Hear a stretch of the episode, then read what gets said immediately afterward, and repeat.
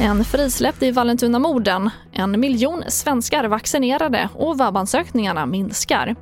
Ja, här är TV4-nyheterna som börjar med att två män, 26 och 28 år gamla, dömdes till livstidsfängelse efter det uppmärksammade dubbelmordet i Vallentuna i januari förra året. Och nu har 26-åringen släppts fri.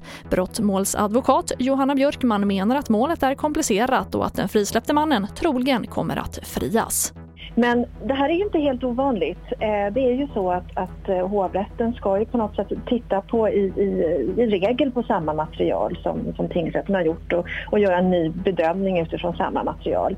Och det som har framkommit i det här målet är ju att, att visserligen har kanske i alla fall den andra tilltalade personen tillfört en del uppgifter.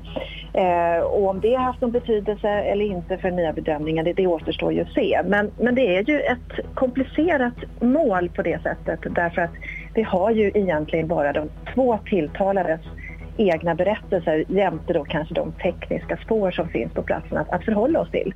Och mer om det här kan du se på tv4.se.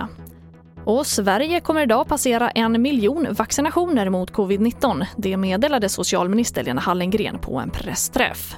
Jag kan börja med att meddela att idag så kommer Sverige att ha genomfört över en miljon vaccinationer mot covid-19.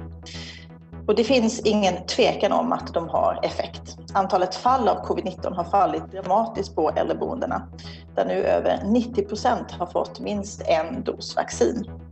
Samtidigt så ökar fallen i övrig befolkning, vilket är en påminnelse om hur viktigt det är att vi träffar färre, att vi håller avstånd och att vi i övrigt fortsätter följa råden. Och vi avslutar med att antalet vabbansökningar sjönk kraftigt under början av 2021 jämfört med samma period förra året. Det rapporterar SVT om.